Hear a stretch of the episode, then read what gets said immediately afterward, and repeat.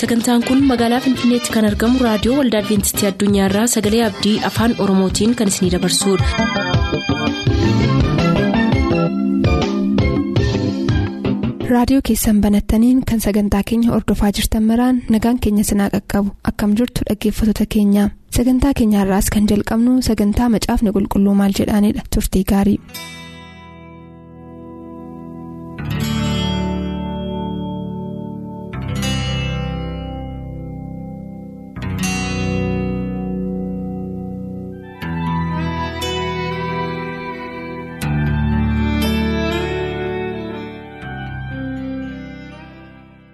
Kabajamtoota dhaggeeffatoota keenyaa nagaan keenya jaalalaa bakka jirtan hundumaatti sinaa qaqqabu. Akkuma beekamu gaaffilee isin biraa nu ga'aniif deebii kennuudhaaf sagantaa kitaabni qulqulluu maal jedha jedhu jalatti gaaffilee isin biraa nu ga'an qabannee dhiyaachaa turreerra. Har'as gaaffilee keessan kan dabareensaa ga'e qabannee dhiyaanneerra. Luba gammachiis jaafee wajjin kadhanneetu gara ergaa keenyaatti darbina. Jaalala bara baraatiin kan nu jaallatte waaqa guddaadhaaf amanamaa baroota hundumaa keessatti moo'ichaan kan jiraattu ijoollee keefis moo'icha laattee hamaa bara kanaa keessa dabarree warra yeroo kana gaawwaan nu gooteef galanni siif haa ta'u dubbii kee dubbachuudhaaf akkasumas dubbii kee dhaggeeffachuudhaaf situ haala nuuf mijeesse situ qilleensa to'ate situ qilleensatti dhimma ba'e kanaaf galanni siif haa ta'u ammas gaaffii ijoollee keetii qabannee dhiyaannaa. Gaaffii kanaaf deebii dhugaa ta'eef sirrii ta'e kennuu kan danda'u hafuurri kee nu wajjiniin ta'ee hibboo ijoollee keetii kana akka hiikuuf jaalala kee haa ta'u kan nuyi dhageenyu hundumtuu immoo fayyinaaf haa ta'u nu gargaari maqaa ilma kee gooftaa yesuusiif jettee ameen.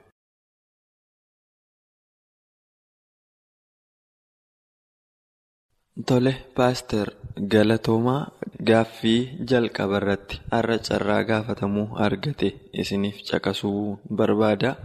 Gizaachoo Abbabee Ukkeerraati kan inni nu gaafatu bilbila irratti gaaffii kana kan inni nu gaafate baay'ee babal'isee yoo nu gaafachuu baateyyuu Yohaannis boqonnaa kudha sagal lakkoofsa 26-27 kan ol qabate Yesus haadha isaatiif yeroo. Bartuu sanatti dabarsee kenne jaalalli yesus wal caalaa hoo bartuu isa inni jaallatu jedhas immoo iddoo sanaa waan ta'eef jaalalli yesus bartoota isaatiif qabu wal caalaa kan jedhu gaaffii nu gaafatee jira gaaffilee isaa wal qabatanii jiran kan biraanis jira. Jechi bartuu isa baay'isee jaallatu jedhu kun kan inni argisiisu warra kaan hin jibba kan jedhu miti kan inni argisiisu warra kaan hin jibba kan jedhu miti. Garuu bartoota isaa keessaa Yohaannisiin yoo fudhanne waa Yohaannisiin kan inni dubbatudha. Yeroo itti bartuu isa baay'ee jaallatu jedhu kana ilaallu hunduma isaanii keessaa umuriidhaan ijoollee kan ture. Hunda isaanii booda bartoota kana hundumaa booda umuriidhaan kan ture isadha jedhameetu amanama. Sababii kanarraa kan ka'e Yohaannisiif jaalala addaa qaba yookiis immoo baay'ee isa jaallata yeroo jedhu akkuma maatii keessatti daa'imni dhumarratti dhalate. Yookiis immoo dhuma irratti dhalatte ilaalcha addaa yookiis xiyyeeffannaa addaa akka qabdu akkuma kana sababii tokkoffaan sababii umurii isaarraa kaasee ijoollee ta'uu isaarraa kan ka'e ta'uu danda'a. Inni kan biraan immoo yeroo hundumaa bartoota of duukaa fudhatee deemuu qaba ture gooftaa yesus bakka inni dhaqu hundumaatti kan isa biraan hafe. Isaan kun Yaaqoob, Pheexroosii fi Yohaannisidha. Isaan kun hundumtu yeroo hundumaa bakka inni taa'utti itti dhiyaatanii kan ta'an. Yeroo nyaataatti itti dhiyaatanii kan ta'an yeroo deemuuf inni kan wajjiniin kan deeman halkan guutuu yeroo inni kadhataa bulullee yoollee kadhannaadhaaf humna dhabaniyyuu kadhannaadhaaf humna dhabanii yoo gidduutti dagatanii kan rafan ta'eyyuu garuu immoo warra kaan irraa adda ba'anii ammuma sana isaa wajjiniin halkan sana kan bulan gaaratti ol ba'anii isaa wajjiniin kan bulan isaan sana sadanidha kan isaan turan jechuudha. Kanaafi warra kaan jibbee utuu hin taane yookiis wal caalchisuu. Agarsiisuudhaaf utuu hin taane warra itti dhiyaatan akka jechuuti. Yohaannis immoo warra sana caalaayyuu akkuma jedhee warra sana caalaayyuu umuriidhaanis xiqqaadha kan inni ture. Achumaanis yoo ilaalle amma Yohaannis abbaa mul'ataa kana yoo ilaalle jalqabumaa kaasee itti dhiyeenyi inni gooftaa yesus irratti qabu adda waan tureefi baay'ee isatti dhiyaate kan ture ta'uusaarraa kan ka'e xiyyeeffannaa addaa kenna ture. Waamu yesus dubbatu hundumaa waa'ee yesus barsiisu hundumaatii fi xiyyeeffannaa addaa kennee nama dhaggeeffatudha. Nama duukaa bu'uudha kan inni ture. Kanaaf dhattee ilaalte wangeelota arfan keessaa wangeelli Yohaannis baay'ee addadha. Akkaataa inni itti dhiyeesse jechuudha. Maalijjuu wal qabsiise warri kaan seenaa masaa yeroo barreessanii akkaataa itti Yohaannis barreesse garuu baay'een isaa amantii wajjiniin kan wal qabatudha. Amantii wajjin jireenya hafuuraa wajjiniin kan wal qabatudha jechuudha. Sun immoo maal argisiisaa?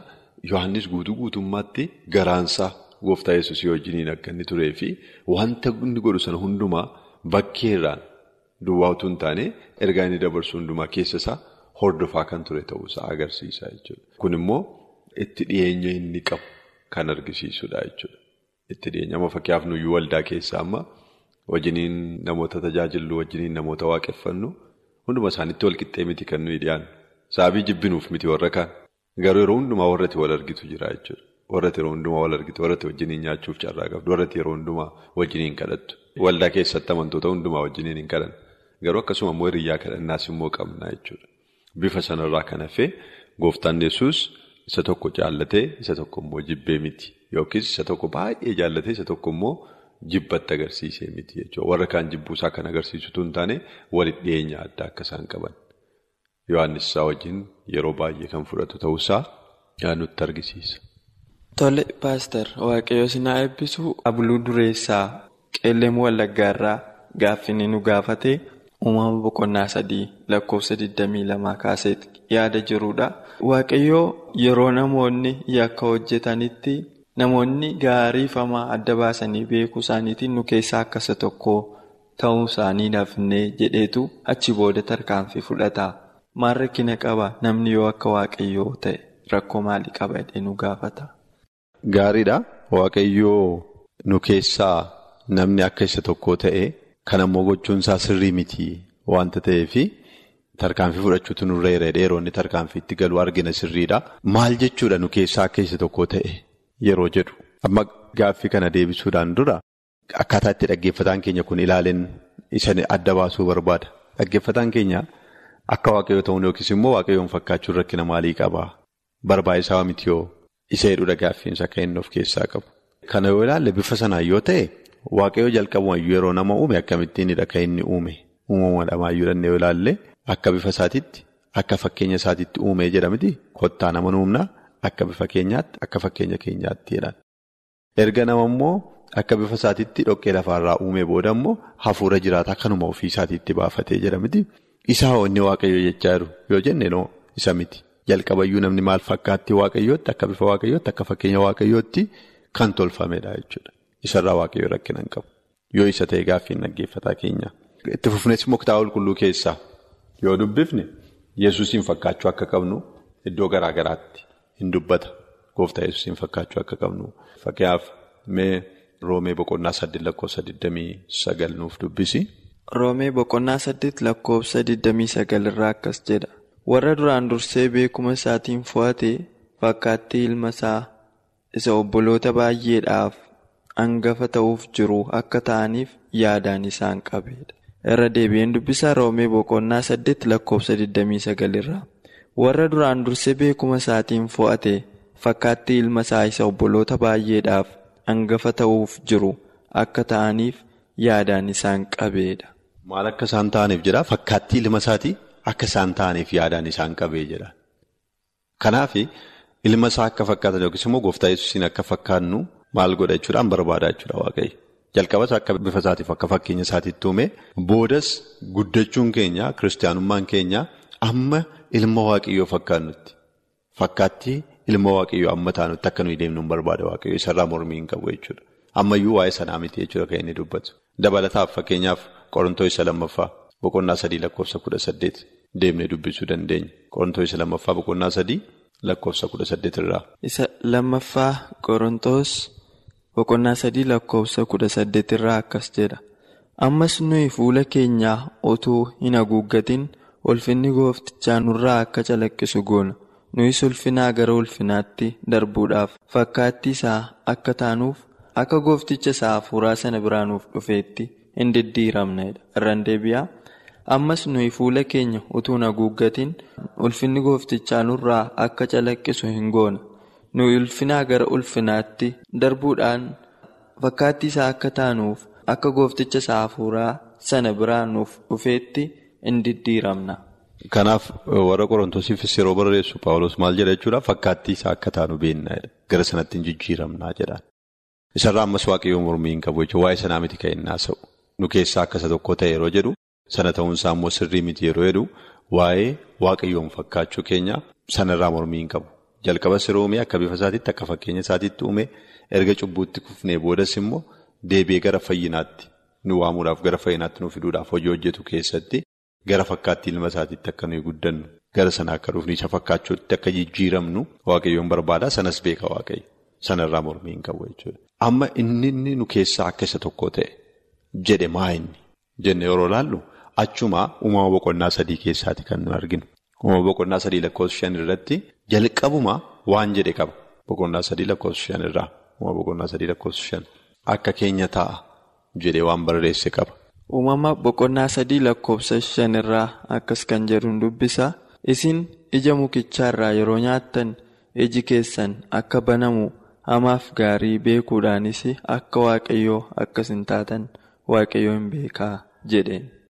Uumama boqonnaa sadii lakkoofsa shanirraa isin ija mukichaarraa yeroo nyaattan iji keessan akka banamu hamaaf gaarii beekuudhaanis akka waaqayyoo akkas hin taatan waaqayyoo hin beekaa jedheen.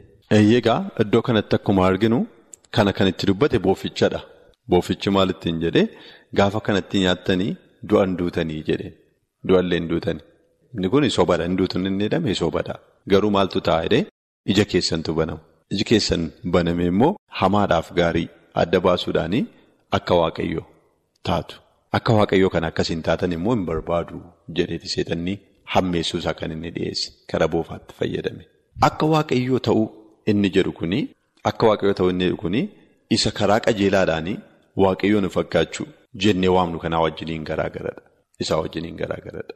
Inni seexanni himataa jiru kuni yookiis immoo inni seexanni akkas taatu jedhe kuni isa qajeelummaatti ta'u miti.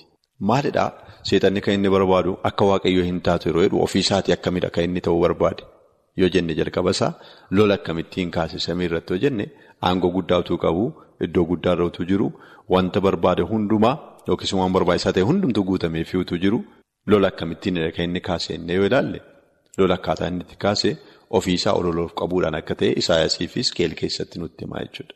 Ofiisaa ololof qabuudhaanii maal ta'uu barbaade jedha akka waaqayyoo ta'uu barbaade. Akka waaqayyoo ta'uu barbaade inni dhukummaa inni humna waaqummaa uffachuu barbaade. Ofii isaatiif waaqa ta'uu barbaade.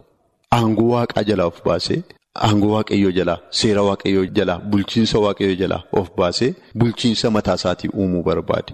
Ofii isaatiif waaqa ta'uu barbaade jechuudha. Isadha akka waaqayyoo ta'uu barbaade inni kun. Kan isaanittis yeroo dhufee isaanitti mukanaa heewaanittis dubbii kana yeroo dubbatu kanumadha kan inni itti hime jechuudha. Akka waaqayyoo hin taatu. Kan immoo akkas hin taatan waaqayyoo hin barbaadu jechuudha. Kana jechuun maa inni akka waaqayyoo hin taatu yeroo ittiin jedhu kana waaqa ofii keessanii taatu. Ofii keessaniin of bulchitu. Ofii keessaniin of geggeessitu. Waaqayyoo kan biraa isin hin barbaachisu. Bulchiinsa mataa keessanii diriirfattu. Aangoo mataa keessanii qabaattu. Kanadha kan inni isaaniin gorsaa jiru jechuudha. Lammaffaa immoo kan inni ittiin jedhe maa inni hamaadhaaf gaarii baruudhaanii jedhe miti. Hamaadhaaf gaarii beekuudhaanii akka waaqayyoo akkas hin taatan beeka. Hamaadhaaf gaarii beekummaa inni rakkinni inni qabu. Waaqayyoos yeroo dubbate heertuu dura nuuf kaafte keessatti waaqayyoos yeroo dubbate nu keessaa akka isa tokko ta'e. Maaliin jedhe? Hamaaf gaarii beekuudhaanii jedhe. Hamaaf gaarii adda baasu yookiis immoo hamaaf gaarii beekuudhaan nu keessaa akka isa tokko ta'e yeroo jedhu rakkinni samaa hamaaf gaarii adda baasuun hamaaf gaarii beekuun rakkina qabaa gaarii miti yoon ofiisaati jennee ilaalle rakkina mataa isaatii qaba ofiisaati. Fakkeenyaaf iji keessa isinii banamee hamaadhaaf gaarii adda baaftanii hin beektu isa jedhame sana. Sun immoo rakkina isa jedhame sana ilaalle uumama boqonnaa sadii lakkoofsa torbarra isa jiru dhattee nuuf dubbifta. Uumama boqonnaa sadii lakkoofsa torbarraa. Uumama boqonnaa sadii lakkoofsa torbarraa akkas jedha. Yommus lamaanuu iji isaanii hin baname qullaa ta'uu isaaniis hin beekan. Kana irratti isaan baala harbuu walitti hulluuqsisanii marxoo isaa hojjetan. Agartee jalqaba maal hin beekan turan jechuudha. Qullaa waan jedhamu waan beekan hin qaban. Wanta saalfii ta'e yookiis immoo walii isaanii irratti ayyaana waaqayyoo arguurraa kan hafe qullaa walii isaanii hin argan turan. Kanaaf waliin baqatanii waliin saalfatanii kan biraas waan saalfatanii hin qaban jechuudha. Amma garuu iji isaanii isa isaanii baname gaamaadhaaf gaarii adda baasanii hin beeku hin jedhame kuni gara maalitti isaan fide jechuudha gara qullaa ta'utti isaan fide qullaa walii isaanii arguutti isaan fide jechuudha. Waan waaqayyoo barbaade miti. Qullaa ta'uu isaanii akka isaan argan, qullaa walii isaanii akka isaan argan, qullaa walii isaanii akka isaan baqatan, qullaa walii isaanii akka isaan dhookatan, baala ofitti akka isaan maratan, baala akka isaan ciranii ittiin golgatanii yookiis immoo ittiin maratanii qullaa isaanii dhoffatan sun waan waaqayyoo barbaadu hin. Garuu amma waa isaan baruu jalqaban isaan kanadha. Garaagarummaa isaatu dhufe garaagarummaa kanadha kan isaan argan. Yeroo isaan isaanii baname jalqaba wanti isaan argan kanadha. Qullaa walii argu. Qullaa ta'uudhaa fi qullaa walii arguudha keessaa. Amma gaarii baruu isaanii miti waaqayyoo kan inni jibbe. Kanaan duraa isaan beekan gaarii duwwaadha kan inni ture. Amma garuu hamaas hin baran. Hamaas hin baran. Dabalanii jechuudha gaarummaatti dabalanii hamaas hin baran.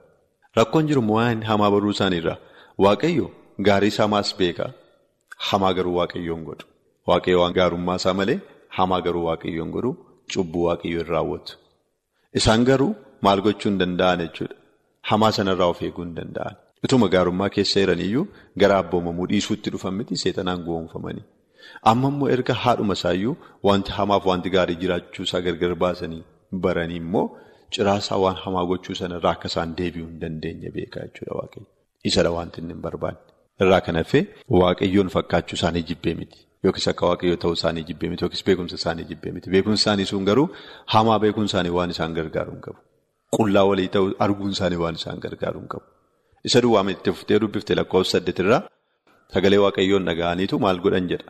Hin baqatanii jedha miti hin dhookatanii jedha. Eessaa dhufe kun baqachuun dhookachuun kanaan dura hin turre.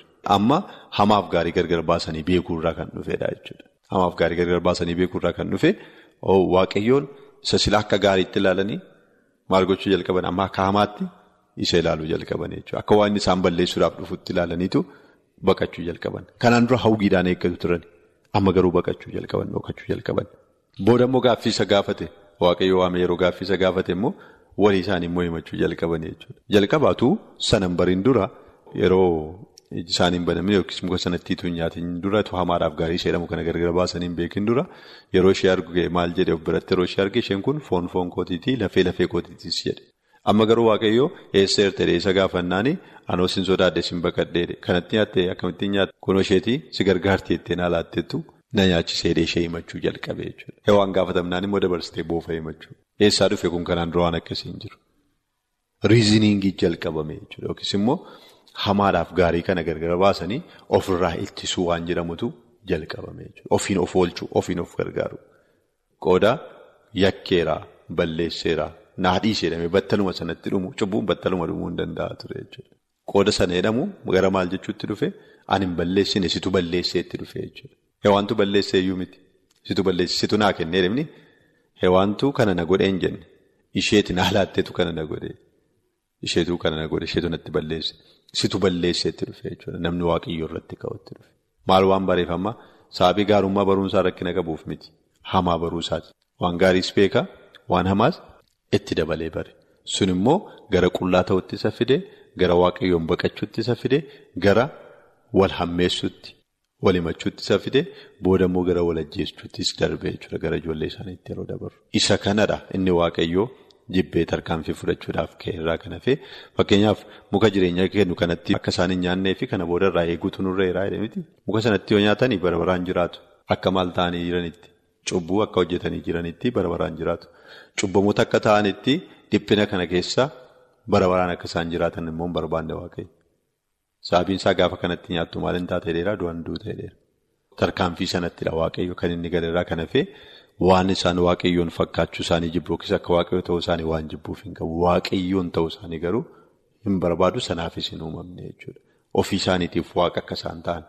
Waaqa nun barbaachisu jedhanii waaqayyoon gananii akkuma seexanni godhe sana waaqayyoon gananii bulchiinsa mataa isaanii uummatanii waaqa ofii isaanii ta'anii jiraachuu akka isaan hin dandeenyes beekaa sanas akka isaan godhan hin barbaanne jechuudha waaqayyo isa kanadha.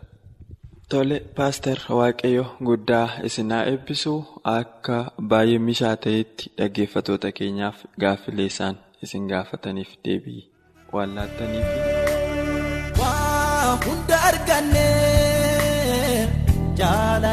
Dhabnee qarlaafummaa sirraa barannee garuu walii araaramuu dadhabnee ati kaawwan kennaa maraa hin qabdaa malaa wal jibbaa mootummaan garanuu jaalala.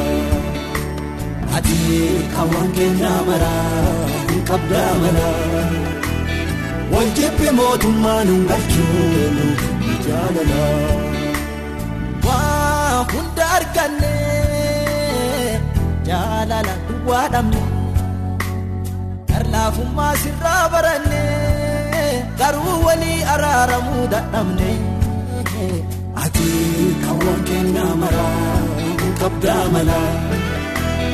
Wal darbaa mootummaatti hin gallu jaalala. Ati kaawwan kennaa maraa hin qabdaa malaa. Wal dhiibaa mootummaatti hin gallu jaalala.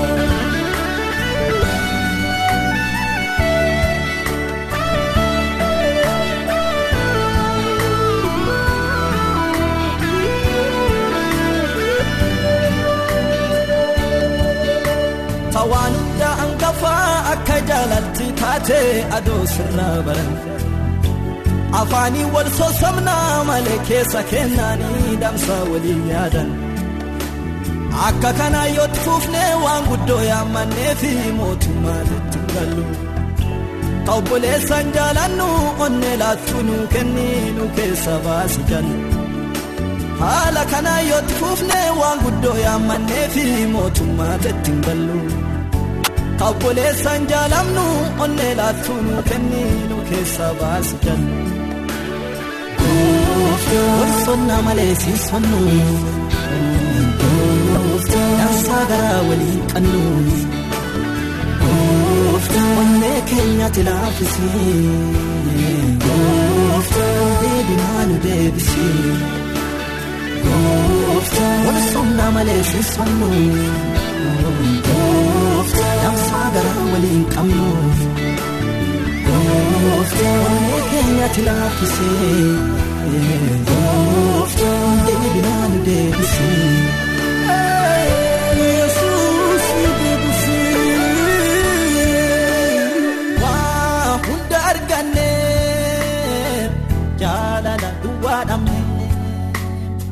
Laafummaa sirraa baranne garuu walii araaramuu dadhabne. Ati kaawwan kennaa maraa hin qabdaa malaa. Wal jibbaa mootummaan garanuu jaalala. Ati kaawwan kennaa maraa hin qabdaa malaa. Wal jibbi mootummaan hin galchuu jaalala.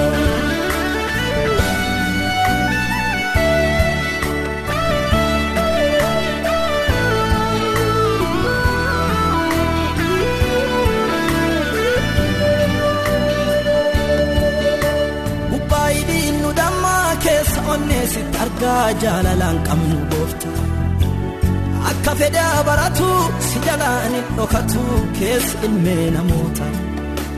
Gosaa wal addaan baasa hamiin ciraa wal nyaata mana kee keessa dhugaa nu dubbachiisi wal wal nu jaalachiisi magannee waaqa keenya gosaa wal addaan baasa hamiin ciraa wal nyaata mana kee keessa.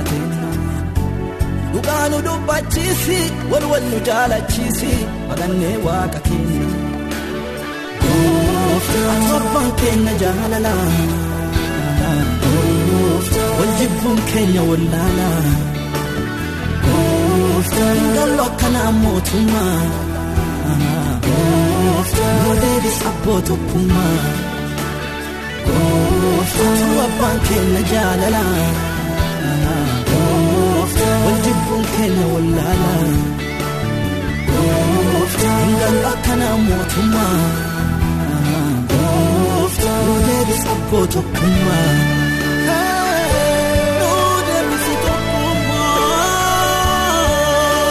tokkummaa. Hunda arganne jaalala duwwaa dhabne. Laafummaa sirraa baranne garuu walii araaramuu dadhabne. Ati kaawwan kennaa maraa hin qabdaa malaa. Wal jibbaa mootummaan garanuu. ati kawarqeennaa maraa qabdaa malaa waljibbi mootummaa nu galchuu jaalala.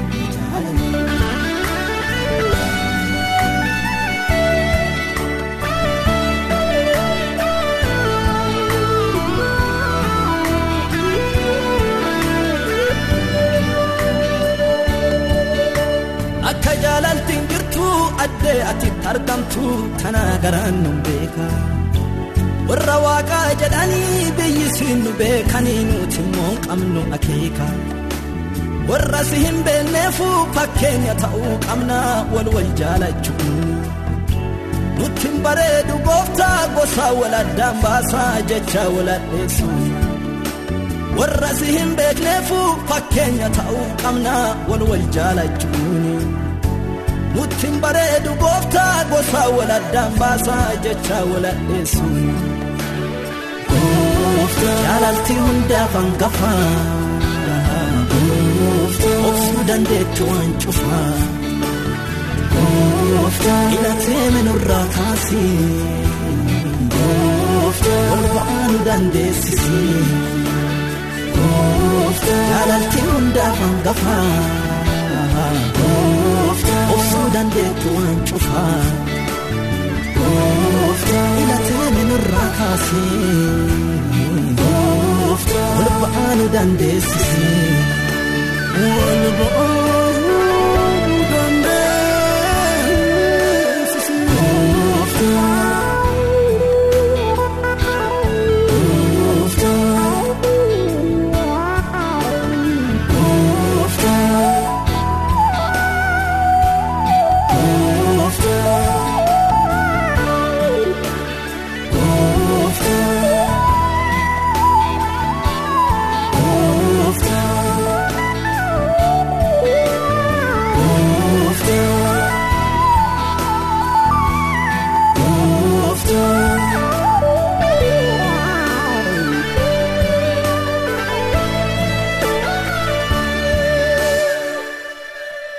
keenyatti akka eebbifamtan abdachaa kanarraaf jenne asumaan xumur sagantaa keenya irratti yaaduu qabaattan karaa teessoo keenyaa raadiyoo olda adventistii addunyaa lakkoofsaanduqa poostaa 455 finfinnee jedhaanuf barreessa raadiyoo olda adventistii addunyaa lakkoofsaanduqa poostaa 455 finfinnee.